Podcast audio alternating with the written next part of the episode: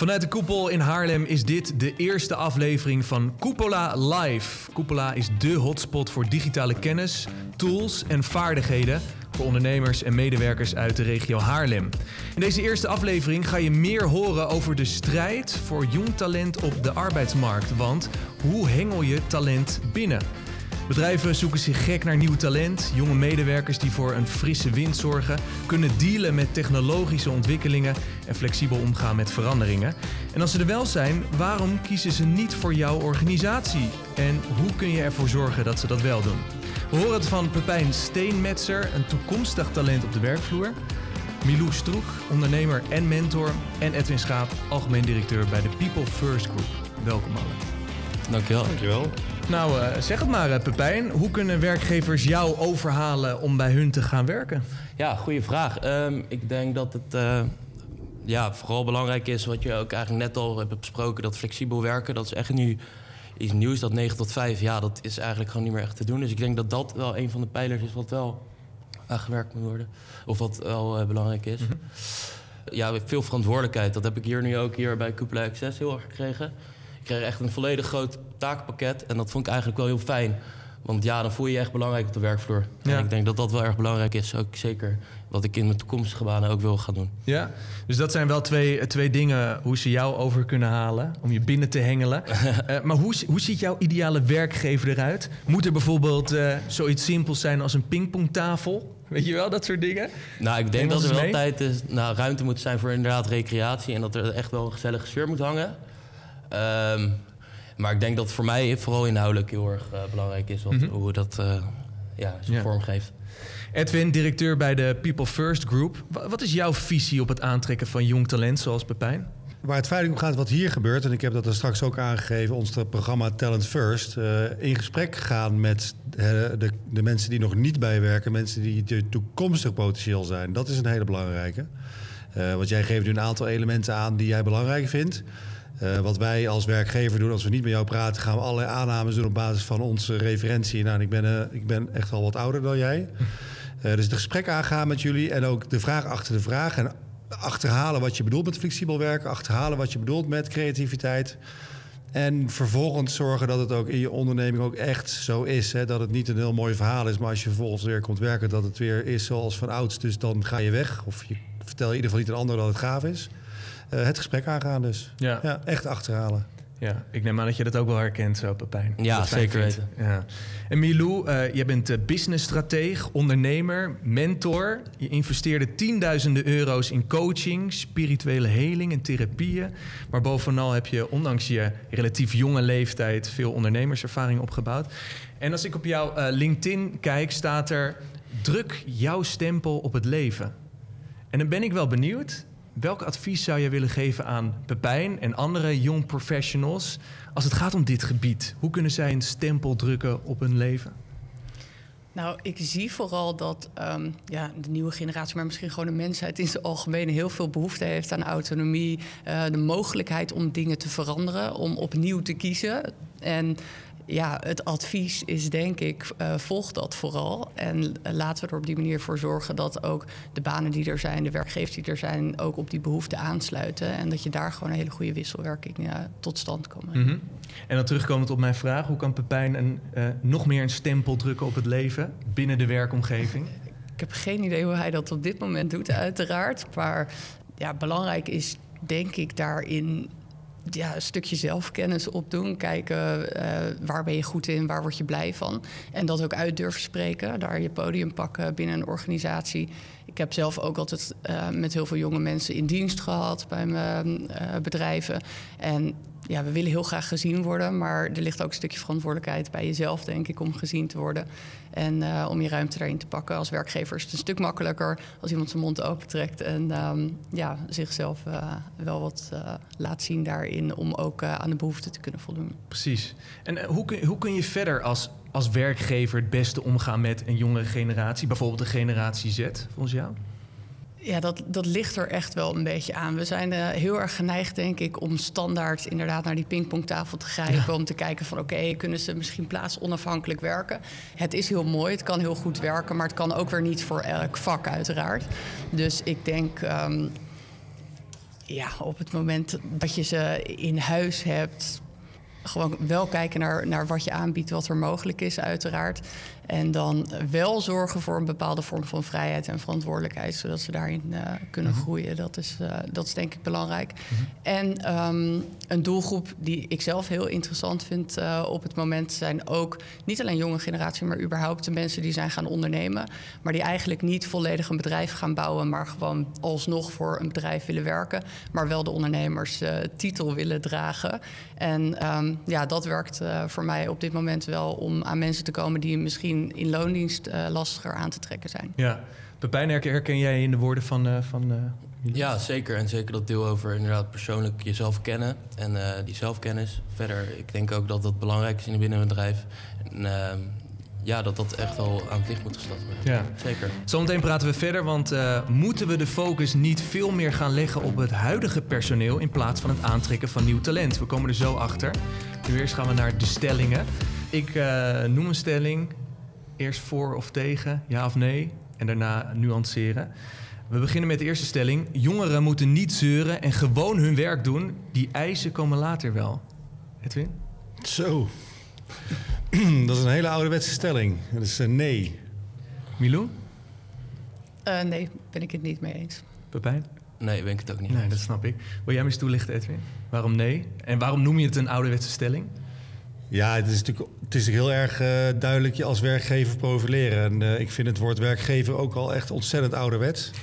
Uh, het gaat om de mensen. En ik ben ook zelf binnen mijn bedrijf, je noemt het dan titel algemeen directeur. Ik ben ook gewoon een mens die met mijn mensen het bedrijf runt. Ik denk dat daar alles, alles mee begint en mee eindigt. Mm -hmm. en daarmee is dit natuurlijk een vreselijk verkeerde, verkeerde stelling. Jij, Milou?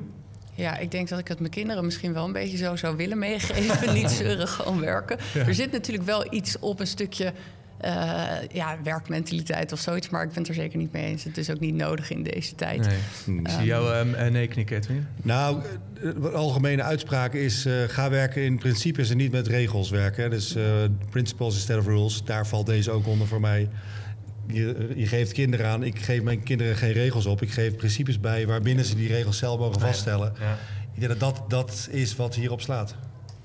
Pepijn, uh, jij zei ook nee. Ik had niet anders verwacht. Ja. Wil je hem toelichten? Nou, zelf ben ik ook jong en ik wil, ik wil straks bij mijn bedrijf ook inderdaad wel gewoon zorgen dat er ook andere dingen bij komen kijken. Maar ja, ja, het heeft natuurlijk ook met wel mentaliteit te maken. Je moet natuurlijk wel gewoon hard werken voor ja, welke functie je ook doet. Mm -hmm. Uh, toch wil ik heel even terugkomen op, op wat jij zegt. Uh, ik hoorde uh, werkgever en ouderwets. Dat gaf je Ja, aan. werkgeven. En dan Ja. heb je vervolgens heb je iemand die werk neemt.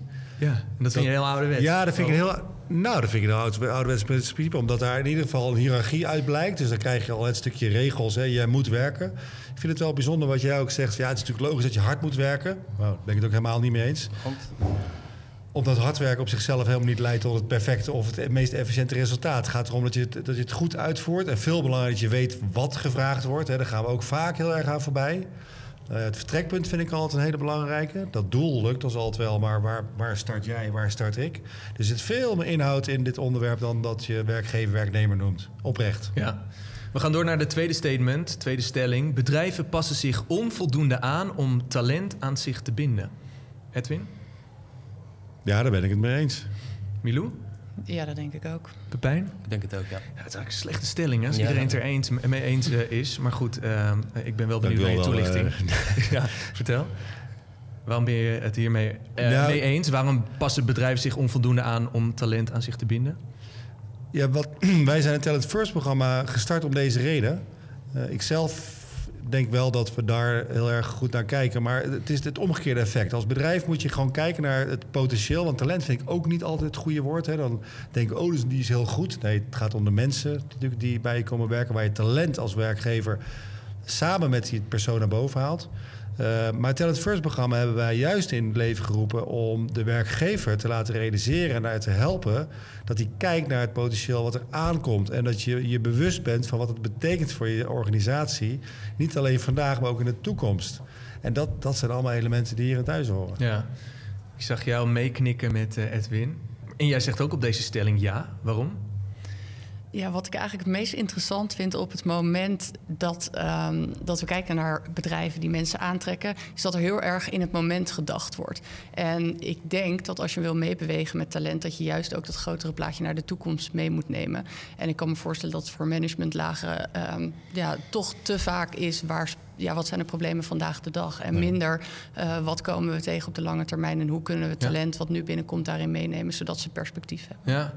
Uh, Pepijn, uh, jij zegt uh, ook ja. ja. En ik ben heel erg benieuwd. aan de andere ja. kant ook weer een beetje op terugkomen. Want zelf ben ik ook heel erg jong nog op de arbeidsmarkt. Dit is echt mijn eerste stage. Verder, ik heb me nog niet echt georiënteerd ook op hoe ik straks hier doorga.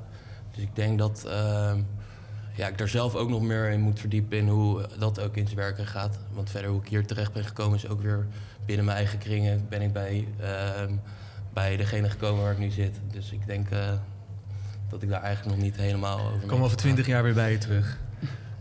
Misschien nog één kleine toevoeging hierop, als, dat, als daar ja. ruimte voor is. Ja.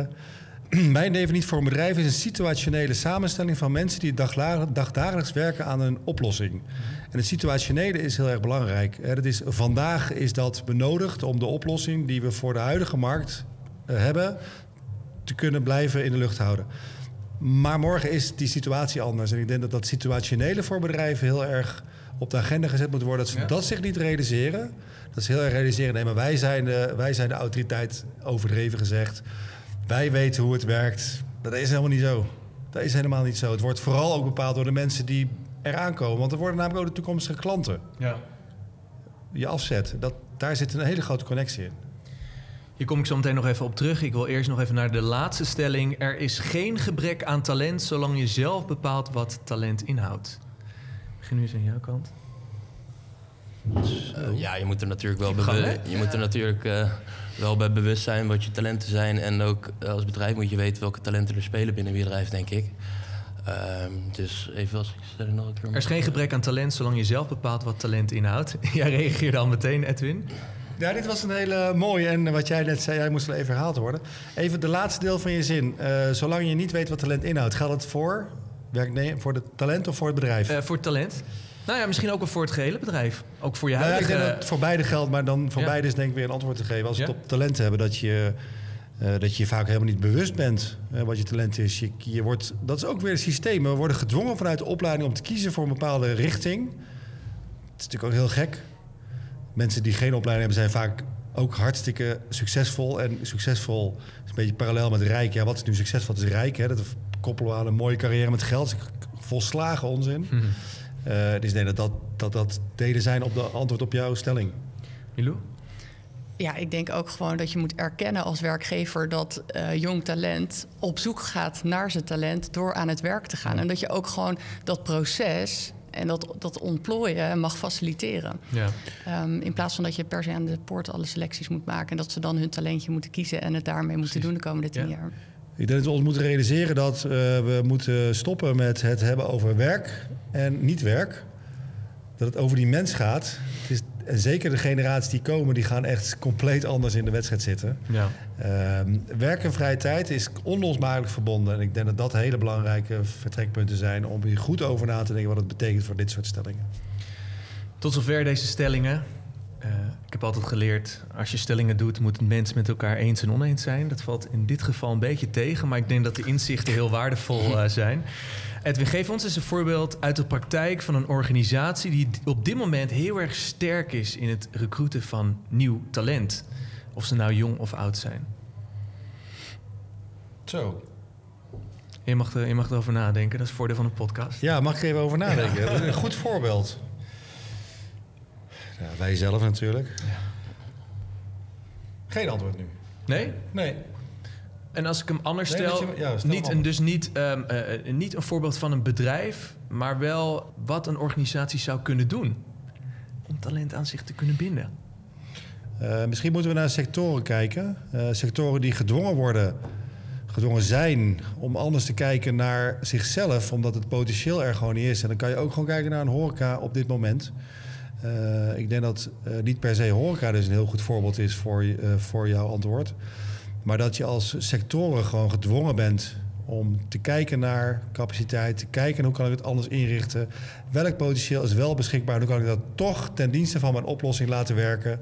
Dat dat zeg maar elementen zijn die erbij bij, bij van toepassing zijn. Ik denk Mhm. ook, dat was boven ook daarnet. Ja.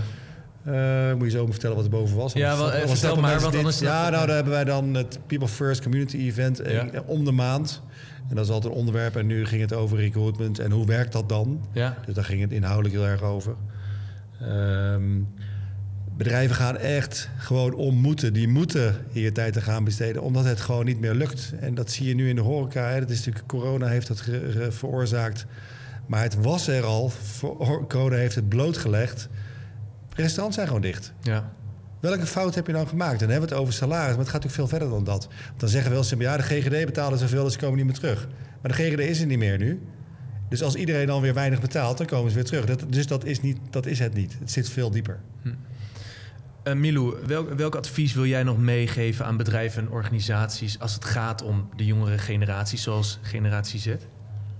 Nou, ik heb bij een aantal bedrijven heel succesvol ehm, eh, hun banen zien herstructureren. En wat bijvoorbeeld hielp, was eh, bepaalde functies in stukjes knippen. Kijken welke delen je aan ja, andere mensen kon uitbesteden. En welke eh, nieuwe functies je eigenlijk kon creëren met delen van die voormalige banen.